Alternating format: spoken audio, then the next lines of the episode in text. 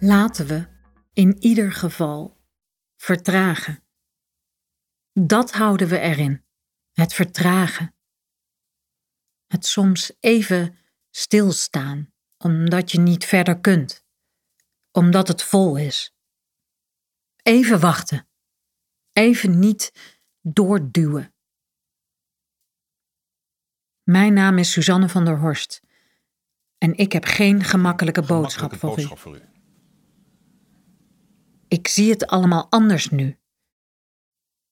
In de oorspronkelijke voorstelling wilde ik u nog raken met een mooi verhaal. Maar nu is dat anders. Nu maak ik liever van deze gelegenheid gebruik om de wereld te redden. Dat moet ik uitleggen. Alles overziend zijn er drie scenario's.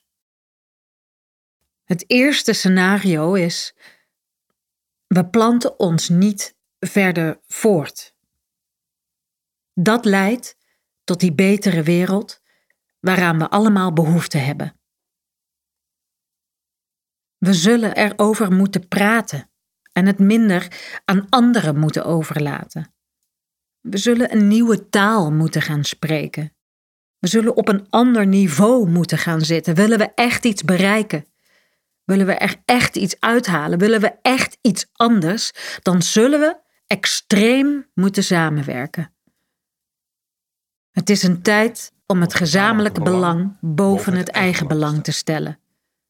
We zullen tot een afspraak moeten komen, die we allemaal na moeten komen, een nieuwe instelling, een nieuwe zienswijze.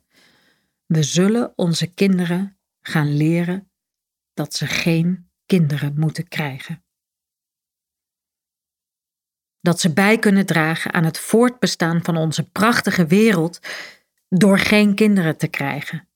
Dat gaat echt helpen. Dat heb ik ooit gehoord in het theater en dat is blijven hangen omdat het waar is. We zoeken veel te veel buiten onszelf. We doen aan symptoombestrijding, maar dat lost het probleem niet op. Het probleem is wij. Wij mensen. Wij mensen zitten de aarde in de weg. De aarde kan ons missen als kiespijn.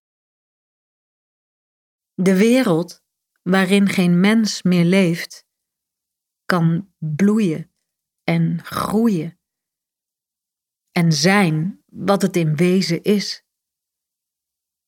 Zolang wij er zijn, redden we de wereld niet. De aarde met haar zeeën en oceanen. En alle natuur die er is, alle groen, alle gebergtes, alle wateren en dieren, alles wat zo mooi is aan onze planeet, het kan gered worden. Door het met rust te laten, door te stoppen met kinderen krijgen. Er zitten natuurlijk altijd mensen tussen die niet willen luisteren, die doen waar ze zelf zin in hebben, gewoon lekker wel kinderen krijgen, omdat ze te benieuwd zijn naar hoe hun kinderen eruit zouden komen te zien, en omdat ze te benieuwd zijn naar hoe zij het anders zouden doen in relatie tot hun ouders. Een onbedwingbare nieuwsgierigheid zal ervoor zorgen dat niet iedereen zich aan de regels van het scenario houdt. Daarom een ander scenario. Het tweede scenario is dat we de mens onbeheerst zijn gang laten gaan. We zijn er nu immers toch, laat ons dan doen waar we zin in hebben. Maar laten we in dit scenario ook niet meer doen alsof. Laat de ingebeelde goede intenties maar varen. We stoppen met verduurzamen en recyclen. We stappen niet meer over op groen, we blijven aan het gas. We laten de benzineprijzen zakken, we eten iedere dag fout vlees. We genieten van de opwarming van de aarde, we bakken ons bruin. We bezitten wat we kunnen tot we niet meer hoeven te bewegen. We kappen bossen waar we de ruimte nodig hebben. We bouwen ons een ongeluk en als het even tegenzit, schieten we elkaar kapot. In dit scenario ontkomen we niet aan een explosie. Er komt een dag dat het opeens zwart ziet voor uw ogen. Dat moeten we uiteraard koste wat kost voorkomen.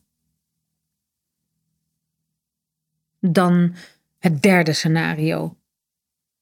Dat is veruit de meest gecompliceerde van de drie.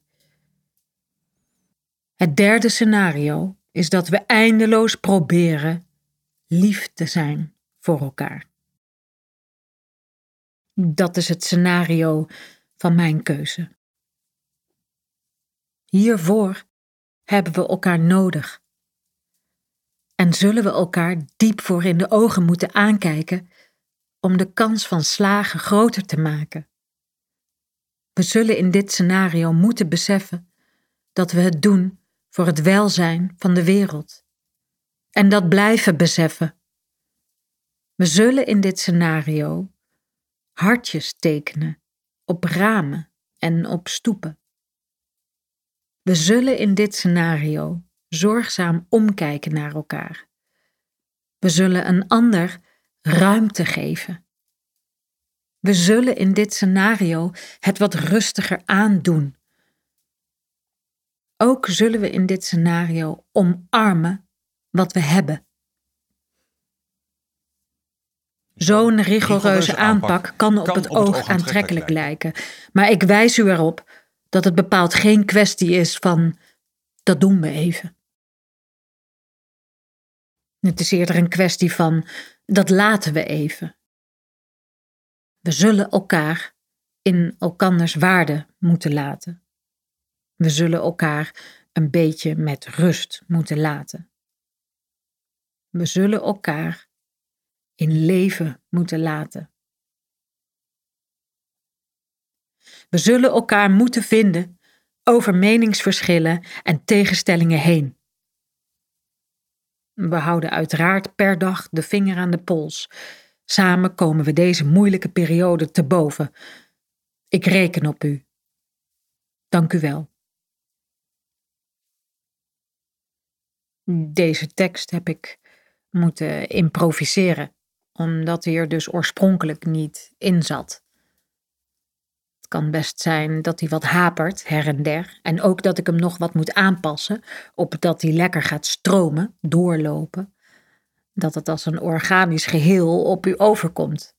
En, en niet als een gekunstelde puzzel. Dat zou zonde zijn. Dat het daardoor aan essentie verliest. Dat u denkt: waar heeft ze het toch over? Wat is toch haar bedoeling? Wat wil ze ons toch zeggen? Dat u wel meekrijgt dat ik iets wil zeggen, maar totaal niet weet wat. Dat u misschien nog steeds aan het wachten bent op een mooi verhaal. Een waarachtig verhaal over de liefde. Echte liefde.